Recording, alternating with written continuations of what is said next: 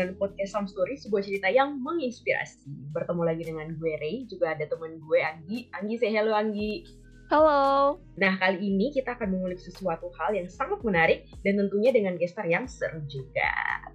Oke, jadi sebelum kita ngobrol-ngobrol nih di episode kali ini, buat kalian yang pengen berpodcast juga kayak kita, teman-teman bisa banget pakai aplikasi yang namanya Anchor. Aplikasi yang gue pakai buat bikin dan publish show ini itu gampang banget digunain dan 100% gratis. Selain gampang banget digunain, semua yang kita perluin untuk bikin podcast juga ada di dalam Anchor, termasuk editing, recording, nambahin bumper, dan closing. Dan distribusinya udah tersedia juga nih ke Spotify dan platform podcast lainnya. Yuk download aplikasi Anchor dan bikin podcast kamu sekarang. Nah, sekarang gue pengen membawa kita masuk dalam satu topik ini sebenarnya, ngomongin satu hal. Dulu pas kecil, kita tuh pasti punya cita-cita kan ya? Kayak, lo pasti pengen jadi ini, kita pengen jadi ini, gitu. Example nih, dulu. Dulu gue itu pengen banget masuk jurusan teknik, dan gue pengen banget kerja di pabrik. Pokoknya kerja apa aja, mending base-nya di teknik. Dan dan banyak orang juga yang bilang kalau teknik itu prospeknya jelas. Jadi ya gue ikutin jurusan keluarga gue aja. Semuanya teknik gue juga teknik. Tapi nyatanya ternyata nggak seindah itu. Alias gue harus lintas jurusan. Karena satu gue nggak lolos SNM yang kedua mungkin belum kesempatan aja kali. Dan menurut gue juga kalau misalnya gue di teknik mungkin gue nggak bisa nih. Ketahuan kalau misalnya gue tuh punya sisi yang bisa membuat gue jadi seorang podcaster. Atau mungkin gue nggak bisa tahu kalau gue nulis kalau gue masuk teknik. Beda cerita nih sekarang kalau misalnya gue udah masuk di komunikasi. Kalau lo sendiri ada nggak sih cerita kayak gitu? Ada sih. Kayak dulu tuh gue kan pengen banget sebenarnya pas SMA belajar agama. Sampai akhirnya gue masuk nih ke agamaan di salah satu SMA dan tetapi pas gue masuk itu kayak shock culture gitu loh. Karena pas tahu ketika buku pelajarannya dibagiin pas gue buka ternyata isinya Arab gundul semua. Itu bener-bener kayak yang kaget banget gak sih? Bayangin dari basicnya tuh sebenarnya gue nggak bisa bahasa Arab. Karena gue kira pas masuk agama tuh ya sudah belajar agama biasa kan tapi ternyata itu bener-bener keagamaan sebahasa bahasanya bahasa Arab juga gitu. Terus pada akhirnya gue sempet agak nyesel kenapa gue nggak masuk negeri aja atau gimana gimana gitu. Tapi ternyata gue ada manfaatnya juga masuk agama. Di karena kalau misalkan gue nggak masuk ke situ, kayaknya gue nggak bakal ada interest sama sekali sama bahasa Arab. Dan gue kayaknya nggak bakal juga nih terjun ke podcasting kayak gini. Karena dari SMA itu gue sering juga kan beberapa kali jadi MC dan atau sebagainya di organisasi. Jadi kayak gue tertarik sama public speaking dan akhirnya gue juga coba terjun di podcasting ini. Jadi kayaknya kalau nggak ketemu sama SMA gue itu kayaknya gue nggak bakal masuk sini sih terjun ke sini. Waduh, jelas banget ya berarti menarik, menarik, menarik menarik Oh. Oke, okay. kalau masa kecil itu emang seru banget gak sih? Kalau dipikir-pikir ya nggak, Re? Seru banget, seru banget. Pengen balik masa kecil sih. Iya kan? Kayaknya kita tuh cita-citanya dulu tuh kayak gak usah takut cita-cita setinggi langit sampai ada pepatah kayak kalau kita jatuh masih ada di antara bintang-bintang gitu kan ya. Nah, untuk itu di episode kali ini kita akan membahas tentang cita-cita dan andai aku jadi. Tapi tentunya kita nggak akan sendiri karena akan ada gestar yang seru juga pastinya bakal nemenin kita untuk flashback sebentar tentang ke masa-masa kecil kita dulu. Oke, jadi udah ada nih Kak Cika. Halo Kak Cika. Cika. Halo Kak Anggi, halo Kak Tasya. Halo. Hai, Gimana nih kabarnya Kak Cika? Wah, aku sehat dan excited banget nih buat ngobrol bareng kakak-kakak semua. Wah, keren banget. Kalau boleh tahu nih kesibukannya Kak Cika apa nih? Jadi kalau kesibukan aku tuh sebagai uh, senior trainer di Yayasan Teman Saling Berbagi atau disingkatnya YTSB nih kakak-kakak. Nah, YTSB ini adalah sebuah yayasan yang bergerak di bidang sosial dan pendidikan seperti itu, Kak. Jadi aku tuh concern banget nih kalau misalkan terlibat sama cara-cara untuk ngebangun orang lebih interest lagi sama bidang pengembangan diri seperti itu Kak Anggi, kata Tasya. Iya, keren banget. Berarti kayak aware banget sama self development kayak gitu-gitu ya Kak ya? Betul banget. Katanya Kak Cika ini juga jadi salah satu trainer ya Kak? Iya, aku jadi salah satu trainer juga di sana, jadi mentor juga. Jadi emang agak multi peran gitu ya Kak Anggi. Iya, tapi keren oh. banget sih Kak. Kalau boleh tahu nih juga Berarti Kak Cika udah lulus ya? Iya, aku udah lulus. Jadi aku tuh S1-nya tuh angkatan 2015. Nah di YTSB ini Kak Cika ngapain aja?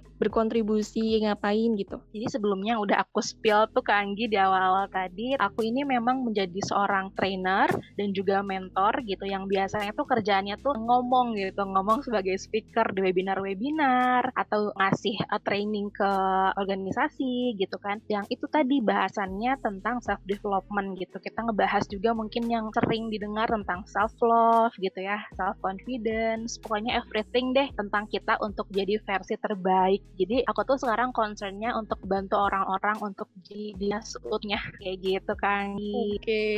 emang bener-bener keren banget sih Kak Cika ini. Selain itu Kak Cika juga jadi mentor dari Magang Merdeka kan ya Kak ya? Iya betul. Jadi aku ini juga menjadi salah satu mentor di programnya Magang Merdeka. Nah divisi yang aku pegang ini adalah Training and Community Empowerment. Jadi para mahasiswa tuh magang di YTSB, kita sama-sama belajar nih gitu untuk bikin pelatihan yang baik gitu, untuk uh, terus ngasih kontribusi kontribusi untuk sesama juga tuh. Oke, jadi itu tadi salah satu uh, profil dari Kak Cika ya guys. Dan kalau boleh tahu nih, Kak Cika itu waktu kecil pernah expect nggak sih bakal terjun ke dunia sosial kayak gini? Jujur aku nggak pernah expect sama sekali nih Kak Anggi. Bener-bener kayak, wah aku tuh kalau misalkan mau throwback dikit gitu ya, aku tuh waktu kecil tuh yang super duper malu banget, yang minderan banget, nggak percaya diri gitu. Baru aku ngomong depan ratusan orang gitu ya, kayak ngobrol sama satu orang aja tuh udah kayak gelagapan gak pede gitu. Yeah. Jadi kalau misalkan aku throwback lagi ke masa lalu, ke masa kecil kayak, wah aku nggak pernah ekspektasi hal ini bakalan terjadi sekarang gitu. Apa yang aku kerjain sekarang, aku nggak pernah bayangkan sama sekali pas aku waktu kecil gitu kak. Jadi kayaknya kalau misalkan kita ketemu sama diri kita yang waktu kecil tuh kayaknya, wah keren banget gak sih? Kita bisa sampai di sini gitu. Iya, Terus, iya, bener banget. Kalau boleh tahu juga nih, Kak Cika ini waktu kecil tuh pengen jadi apa sih Kak? Kan kakak dulu gak ngespek nih kalau bakal terjun ke dunia sosial yang ngobrol di depan banyak orang kayak gitu. Dulu waktu kecil pengen apa gitu? Jadi apa? Jadi kalau misalkan ngomongin masa kecil kayaknya anak-anak tuh serandom ngelihat sesuatu yang kita kagumi, oh aku pengen jadi dia, oh aku pengen seperti apa gitu yang ada di benak mereka. Kalau itu keren ya memang aku pengen jadi itu gitu kan. Nah dulu tuh tuh aku sesederhana misalnya aku pengen deh gitu bisa tampil di depan banyak orang gitu ya bisa misalnya jadi performer gitu ya jadi penyanyi depan banyak orang gitu ya sederhana itu gitu. Kayak misalnya kan dulu gitu zaman zaman aku kecil kan kita belum ada sosial media ya lebih banyak tuh kayak TV gitu kan. Terus aku ngeliat gitu ya orang-orang yang tampil di TV dengan kepercayaan dirinya gitu ya kayak tampil di atas panggung wah kayaknya seru ya gitu. Kalau tuh kecil aku pengen jadi penyanyi juga gitu kayak wah sepertinya menarik sekali gitu bisa diapresiasi diapresiasi oleh banyak orang, aku bisa berekspresi, kayaknya seneng banget deh. Terus mimpi itu terus berjalan, gitu terus berjalan sampai akhirnya aku sadar gitu bahwa ada titik balik ternyata kecil tuh ternyata ada juga ya yang nggak bisa terus berlanjut karena beberapa hal kayak gitu ke Anggi. Keren banget sih kak. Padahal dulu waktu kecil ya memang bercita-cita tampil di banyak orang, terus sekarang akhirnya bisa kesampaian juga ya kak ya. Tampil di depan banyak orang tapi konteksnya berbeda kayaknya gitu yeah. ya iya. kang. Dan tapi kayaknya ini tampil di depan banyak orang dengan memotivasi gitu loh. Jadi kayaknya keren banget. Jadi masih beririsan gitu ya Kak Anggi. Iya. Yeah. Tanggapi di masa lalu sama mimpi sekarang gitu. Tapi Kak Anggi ngerasain juga gak sih kalau misalkan dari kecil tuh kita mimpinya berubah-ubah? Iya bener banget sih. Karena aku dulu juga pernah pengalaman waktu aku kecil, waktu SD tuh kayak pernah pengen jadi koki gitu. Tapi karena aku ngelihat Master Chef gitu kan. Tapi akhirnya makin dewasa aku yang realistis gitu. Jadinya ya udah aku jalani apa yang aku tertarikin sekarang di bidang komunikasi kayak gitu gitu. Oh, wow, keren banget ya gitu. tadi percikan percakapannya Anggi sama Kak Cika tadi banyak banget ya yang udah dibicarain tadi gitu terkait Kak Cika mau jadi apa, terus pengalamannya Anggi juga gitu. Nah Kak Cika kalau boleh tahu nih,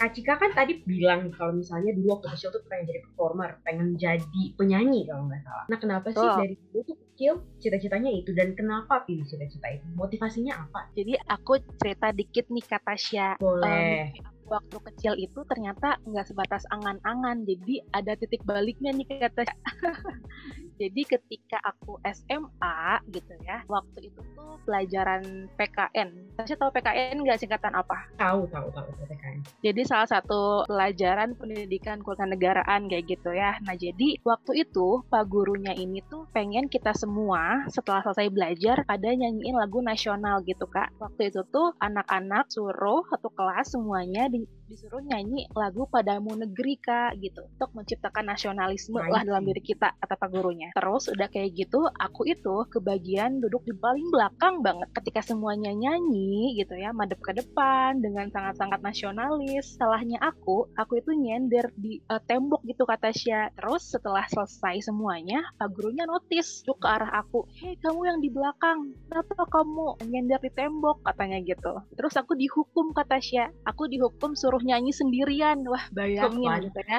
Mimpi aku yang sejak lama sudah mati itu, tiba-tiba ada kesempatan di waktu yang kurang tepat gitu kata Syah. Aku disuruh nyanyi gitu. Disuruh nyanyi iya, lagu yeah, uh, nasionalis. Yeah. Pada saat itu aku nggak pernah tunjukkan bakat aku di depan teman-teman gitu. Nah, pada saat itu aku dihukum dan aku akhirnya bernyanyi lah di depan teman-teman dan ketika Pak Guru PKN-nya itu keluar kelas, teman-teman semuanya bersorak kata Syah karena katanya suaraku bagus sekali. Wow. Oke. Okay. Gitu. Nah, jadi dari situ tuh aku tuh kayak lumayan ada harapan lagi gitu kak. Oh apa iya gitu ya mimpi aku dari zaman kecil tuh apakah aku harus perjuangkan kembali mimpi yang sudah mati itu gitu. Pada bener, akhirnya bener. di SMA ini aku jadi dapat banyak kesempatan gitu kak Tasya. Bener, kayak bener, aku bener. yang terpilih jadi vokalis salah satu ekskul. Wow hebat hebat hebat banget. Tapi emang sih hal-hal sekecil itu justru motivasi-motivasi yang nggak pernah kita kira datangnya dari mana itu justru itu yang menjadi pemicu paling besar kita untuk bisa cari tahu di mana sih sebenarnya minat kita gitu. Dengan cara-cara apa ya? Mungkin tatapan orang dari yang mulai nggak bener atau ngeremehin gitu atau mikir ah lu pasti nggak bisa nyanyi gitu. Ya udah sok ditantang nyanyi tapi ternyata yang paling bagus dan yang paling bisa gitu. Jadi rezeki orang nggak ada yang tahu gitu ya kak Cika. Oke. Kan emang dulu waktu kecil kak Cika pengen jadi penyanyi terus sempat ada kesempatan tuh. Tapi walaupun di waktu yang nggak tepat akhirnya bisa kelihatan juga juga nih. Kalau kamu nih, Ray, dulu tuh kamu waktu kecil pengen apa? Kayak yang literally pengen apa kayak jadi dokter gitu? Apa gimana? Hmm, dulu tuh sebenarnya aku pengen kerja di pabrik gitu loh, bukan kerja di pabrik juga sih, maksudnya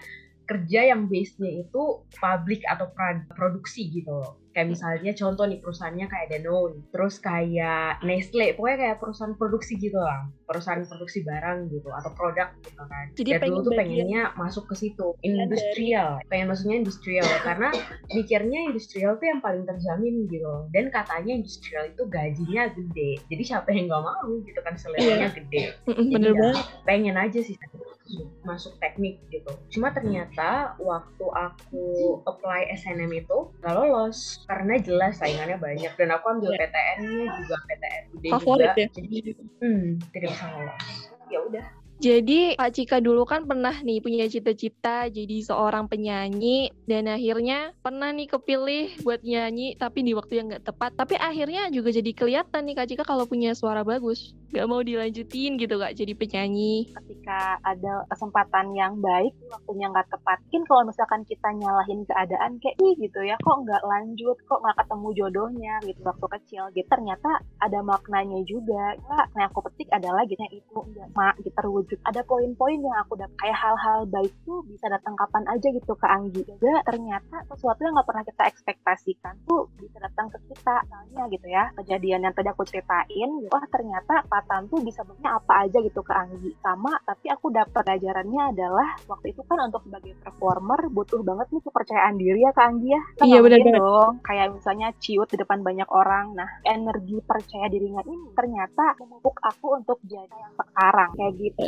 Oh, keren banget sih. Kalau Kak Cika kan sekarang jadi kayak speaker gitu kan ya Kak, ngisi webinar dan sebagainya. Itu awalnya termotivasi dari apa? Misalkan apalagi nih Kak Cika kan jadi speaker yang meningkat meningkatkan self development gitu yang aware sama kondisi sosial masyarakat kita. Nah itu tuh dasarnya awalnya tuh dari mana gitu? Apakah karena pernah lihat suatu acara atau seseorang terus akhirnya kakak termotivasi jadi seorang kontributor di suatu yayasan ini? Oke Kak Anggi. Hidup tuh kan gak mulus-mulus aja ya. Ada kelokan gitu kan ya ada bebatuan ada suatu masa gitu ya. Tuh aku lagi masa quarter life crisis gitu loh Kak Anggi.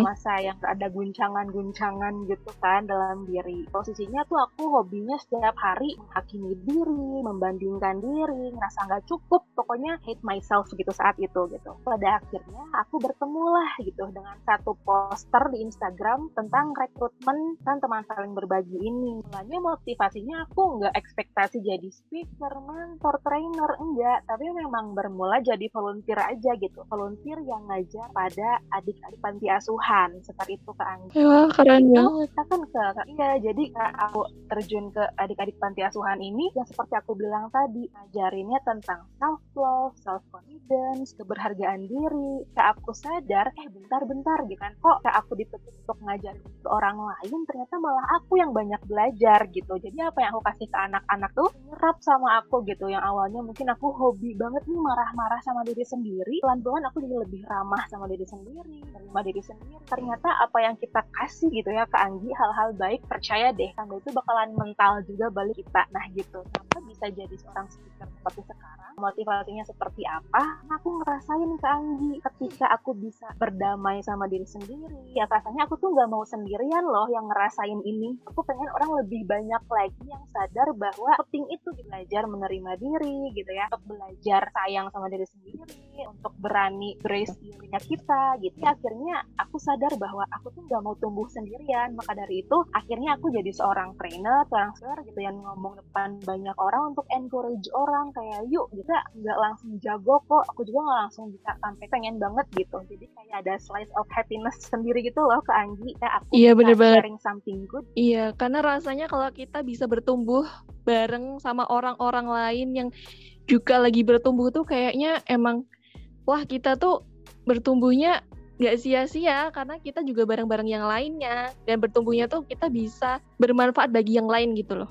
Dan aku juga pernah nih kalau yang Kak Cika bilang kakak pernah ngalamin life crisis ya kak. Aku juga pernah sebenarnya karena dari salah jurusan aku masuk ke agamaan yang ternyata waktu aku belajar bukunya bahasa Arab Gundul semua tuh aku pernah sampai menyesal kayak sampai aku tuh beberapa kali nggak kan dulu pas aku terdampak covid nih dan aku tuh sempat kayak yang bener-bener males buat ikut zoom pelajarannya gitu. Aku sempat kayak udah putus asa aku udah nggak bisa nih bahasa Arab. Aku udah bener-bener nyerah. Tapi pada suatu hari tuh aku juga pernah ikut kayak kegiatan volunteer gitu sempat pas corona itu. Terus kayak wah ternyata gak seburuk itu aku ada di sini aku bisa masuk um, di di jurusan keagamaan waktu SMA karena dari pengalaman organisasi walaupun nggak sampai setahun itu aku jadi punya pengalaman untuk terjun ke volunteer. Dan selain itu aku juga jadi bisa menghargai kesempatanku untuk bersekolah di SMA Islam yang berbasis Arab itu tadi karena aku sadar ternyata bahasa Arab itu penting dan ternyata bahasa Arab itu adalah bahasa surga. Jadi aku merasa aku cukup bangga sekolah di situ walaupun ada tempat penyesalan gitu. Jadi emang segala sesuatu yang kita sesalkan itu bisa jadi adalah sesuatu yang terbaik untuk kita, ada ada hikmah yang tersimpan di baliknya gitu.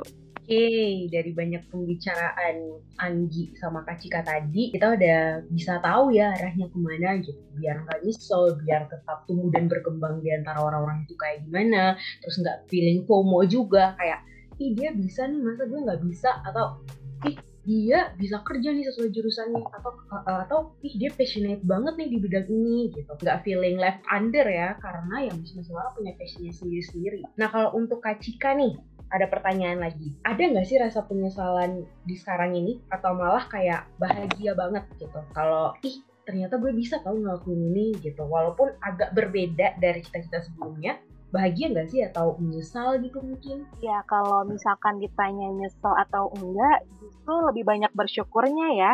Karena uh, seperti yang aku ceritakan tadi bahwa aku nggak pernah expect gitu ya untuk bisa sharing gitu hal-hal baik orang ibaratnya aku yang pesan sakti bang encourage orang untuk lebih lebih percaya diri kan kayak sebuah sebuah pencahayaan gitu ya. Terus kalau kata Asya tadi bilang kayak kira tetap tetap berbangga diri nggak sih? gitu ya. Terhadap apa yang udah dicapai meskipun nggak relate sama yang waktu betul, kecil betul. gitu ya. Tapi kalau aku lihat lagi ternyata apa yang udah terjadi di masa kecil gitu ya itu tuh memanifestasi juga gitu. Tentang apa yang udah aku ceritakan tadi tentang aku yang percaya diri dari hal dari relate aku kerjakan sekarang si PD-nya ini tuh jadi memupuk aku untuk lebih siap lagi jadi seorang aku yang sekarang kayak gitu kata. Walah, ternyata emang intinya ujung-ujungnya nggak menyesal juga karena pada akhirnya Cika menemukan Kacika, diri Kacika sendiri ada di situ gitu. Kalau oh iya ternyata walaupun berbeda dan walaupun base-nya nggak sama, tapi ujung-ujungnya gue tetap jadi orang yang bisa dijadikan panutan sama orang lain gitu. Gue bisa jadi contoh buat orang lain gitu ya Kak Cika. Hmm, keren banget sih kalau denger kisahnya Kak Cika tuh. Dan kalau misalkan nih Kak Cika ketemu sama Kak Cika versi waktu kecil nih, kira-kira mau ngomong apa gitu? Uh, mungkin aku bakalan bilang gitu, makasih untuk diriku waktu kecil karena udah berani bermimpi, karena udah berani nyoba, karena udah berani berekspresi, meskipun pada akhirnya nggak sesuai sama angan-angan kamu waktu kecil, dan karena ketika kamu dewasa, kamu menemukan sesuatu yang lebih keren lagi, yang bikin kamu tumbuh, yang bikin kamu belajar, kamu jadi versi terbaik kamu, sehingga kamu nggak khawatir dan kamu nggak perlu sama kayak orang tua jadi yang keren. Oke, jadi kita harus berbangga ya di dewasa ini tuh kita bisa menjadi seseorang yang dulu waktu kecil tuh kita mungkin nggak nge-expect gitu. Tapi ternyata kita bisa berpengaruh buat orang lain juga. Dan kalau ditanya tentang cita-cita nih Kak Cika kan ada pepatah nih. Pepatah tentang bermimpilah setinggi langit. Kalau kamu jatuh kamu masih ada di antara bintang-bintang kalau menurut Kak Cika nih, pepatah itu tuh gimana nih? Kadang makin dewasa kita makin takut mimpi gak sih Kak Anggi? Iya bener banget, kayak kita tuh pengen bermimpi tapi kadang pengen realistis gitu. Betul, apalagi misalnya ada ekspektasi orang lain gitu yang kamu harus jadi A, B, C gitu ya. Bener. Akhirnya kita jadi takut. Hal balik lagi gitu. Misalnya kita kembali ke masa kecil yang sangat antusias sekali, pede, kamu mau jadi apa? Aku mau jadi dokter, aku mau jadi insinyur gitu. Ya udah, pede aja gitu. Nah ketika kamu misalnya mengupayakan yang terbaik, kamu udah berani, even itu nggak kecapaian pun tenang aja gitu. Karena proses-proses yang kamu upayakan untuk kamu tuh nggak akan sia-sia. Proses itu akan tergunakan juga gitu kepada jalan takdir kamu nanti gitu. Jadi akhirnya perjuangan-perjuangan kamu tuh nggak akan pernah sia-sia gitu. Kamu tetap berharga sebagai manusia, kamu tetap bernilai kamu tetap jadi diri kamu yang apa adanya dengan versi kamu jadi that's okay gitu. Kadang gitu aku pengen sharing juga bahwa apa apa gitu untuk bermimpi. Karena perihal tercapai atau enggaknya kan juga kendali kita ya ke Anggi. Iya benar banget. Upaya kita adalah mengupayakannya dengan cara yang terbaik. Kalau misalkan mimpinya bermuara di tempat lain ya berarti itu yang terbaik asalkan kita pandai mengambil makna dari apa yang terjadi. Kalau kitanya terus-terusan fokus sama kenapa ya nggak tercapai mimpinya mungkin akan stres ya ke Anggi. Yeah. Tapi kalau kita ngambil makna, oh ternyata gitu ya aku nggak capai di mimpi ini,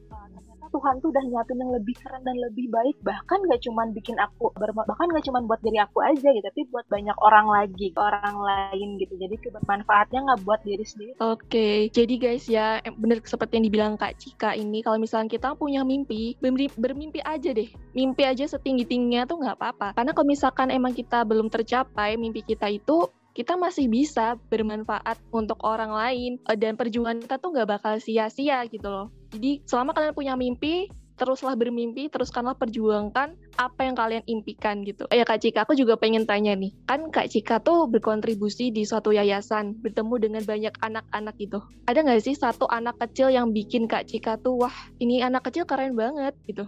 Kak Cika jadi terinspirasi sama sosoknya gitu? Oh pernah banget Kak Anggi. Waktu itu ada salah satu anak gitu ya. Kalau kita ngelihat stigma kita kepada anak-adik di panti asuhan, berarti ada perasaan kayak kasihan gitu ya. Ada perasaan seperti wah gitu kayak hidupnya eh, berbeda dengan kita gitu. Tapi yang bikin saya tertegun dan terkesima adalah mereka ini bisa melihat tetap melihat titik terang gitu. Kayak Kak Cika meskipun aku kurang ini dan itu, tapi aku tetap bersyukur. Nah titik itu sih ketika mereka bisa ngelihat titik terang gitu dari gelapnya hidup mereka tapi kok kadang gitu ya kita sendiri yang mungkin tercukupi gitu ya. Eh, hal-halnya kita bisa mampu gapai gitu. Kadang kita sering ngerasa nggak cukup sering ngerasa banyak berkeluh kesah gitu. Ternyata kok anak-anak kecil ini bahkan lebih pandai mensyukuri hidup. Hal sederhana ini sih Kak Anggi yang aku pegang juga. Ternyata hidup itu tuh tentang gimana kita merasa cukup hidup itu tentang gimana kita bisa lebih memandang hal-hal yang nggak terus-terusan berfokus kepada kekurangan atau hal-hal yang belum kita capai tapi syukuri apa yang kita punya saat ini. Iya bener banget. Justru tuh kadang kita kalau misalkan melihat anak kecil tuh malah kita yang belajar. Bukan mereka yang belajar dari kita tapi kita yang belajar dari mereka. Karena emang anak kecil tuh sepolos itu dan mereka tuh sehebat itu sebenarnya kalau kita tidak meninggikan ego kita. Seperti itu ya kak ya. Betul banget Kak Anggi. Emang kita yang akan lebih banyak belajar sebenarnya kalau ketemu sama mereka-mereka itu. Mm -mm, apalagi mereka kayak masih lucu-lucu, masih polos yang belum terkontaminasi dengan hitamnya dunia ini. Betul sekali Kak Anggi. Oke, okay, from the rest conversation tadi ya yang udah dibawain sama Anggi sama Kak Cika nih, gue punya beberapa hal yang mau disampaikan sebenarnya. Istilahnya resolusinya aja lah ya, di mana sampai kita akhirnya bisa ngomongin soal hal ini, udah cukup mendetail dan mendalam juga, Terus kesimpulannya apa? Biar nggak banyak omong lagi, langsung aja. Yang pertama, tetap jadi diri sendiri. And don't feel left behind atau left under. Karena sebenarnya yang tahu diri kita sendiri itu ya cuma diri sendiri nggak ada orang lain yang tahu gitu. Walaupun kita sering ngerasa kalau ih kapan ya gue kayak gitu? Atau kok bisa ya dia kayak gitu dan gue nggak bisa? Tapi ternyata kita tuh bisa. Kitanya sendiri yang belum tahu itu kapan gitu. Semua itu ada masanya dan semua ada waktunya. Terus jangan fokus kerasa nggak cukupnya jangan fokus kerasa dan tadi itu kenapa sih? Belum kenapa sih belum datang juga? Gitu kok sekarang enggak? Gitu. Tapi lebih banyak bersyukur dan merasa tercukupi aja gitu kan ya? Iya bener banget. Kak Cika mau ngasih kesan pesankah untuk mereka yang mungkin sedang mengalami penyesalan tidak mencapai mimpi yang diharapkan gitu? Kalau ngerasa nyesel, ngerasa marah sama diri sendiri karena mimpinya nggak tercapai itu nggak apa-apa gitu. Karena perasaan-perasaan tuh valid banget dan sangat humanis banget gitu kayak bener-bener orang tuh pasti merasakan hal tersebut kalau misalkan mimpinya nggak tercapai. Dan paling penting adalah kalau ada istilah kayak tidak kabar baru dari masa lalu gitu ya. Kalau kita terus-terusan terperangkap di sana menyesali apa yang tidak tercapai akhirnya kita gagal fokus gitu sama apa yang kita ciptakan hari ini. Fokus kepada apa yang bisa kamu lakukan hari ini agar senantiasa di masa depan kamu mewujudkan apa yang kamu inginkan seperti itu kan oke keren banget nih kesan pesannya dari Kak Cika fokus fokuslah pada diri kamu yang saat ini agar kamu bisa meraih apa yang kamu cita-citakan di masa depan. Keren banget gak sih? Biasa kita kali ini kita tuh kayak belajar banyak banget hal-hal yang mungkin pernah kita sesali. Kita dulu pengen jadi A, tapi ternyata nggak kesampaian tapi itu nggak apa-apa karena emang nggak semuanya itu ada dalam kendali kita gitu. Dan Kak Cika ini seru banget sih. Aku banyak belajar dari Kak Cika juga nih. Dan semoga cerita pengalaman dari Kak Cika dan saran-saran yang udah diberikan bakal bermanfaat dan juga menghibur para pendengar setia kita. Oke pasti menghibur pasti bermanfaat dan pastinya bakal berguna juga nih. Bukan cuma buat kita tapi buat listener di luar sana. Oke kalau masih ada yang punya pertanyaan kepada Kak Cika boleh langsung aja nih ke sosial medianya Kak Cika. Boleh dong Kak Cika spill Instagramnya mungkin? Iya, jadi kalau misalkan ada yang pengen tanya-tanya, boleh banget dramaku di @mustika_ramadianti. Oke, untuk Kak Cika sendiri nih, kira-kira ada project apa sih ke depannya sama YTSB mungkin atau yang lain? Iya, jadi kalau misalnya TSB ini sebenarnya sekarang tuh kita lebih banyak nih ngasih webinar-webinar tentang self development tadi. Jadi buat teman-teman yang pengen untuk lebih berdamai sama dirinya sendiri atau pengen develop dirinya jadi versi terbaik, langsung aja kepoin Instagram kita karena bakal banyak banget info-info terkait webinar pelatihan yang bakal kita adakan dalam waktu dekat ini. Seperti itu kata Tasya. Oke. Okay. Oke, jadi teman-teman kalau ada yang mau bekerja sama atau ada ide untuk konten podcast Some Story selanjutnya, hit up on Instagram at podcast underscore soundstory dan juga bisa melalui email kita podcastsoundstory at gmail.com. Terima kasih untuk teman-teman yang sudah mendengarkan podcast Soundstory episode 95 bersama Kak Cika. See you on the next episode.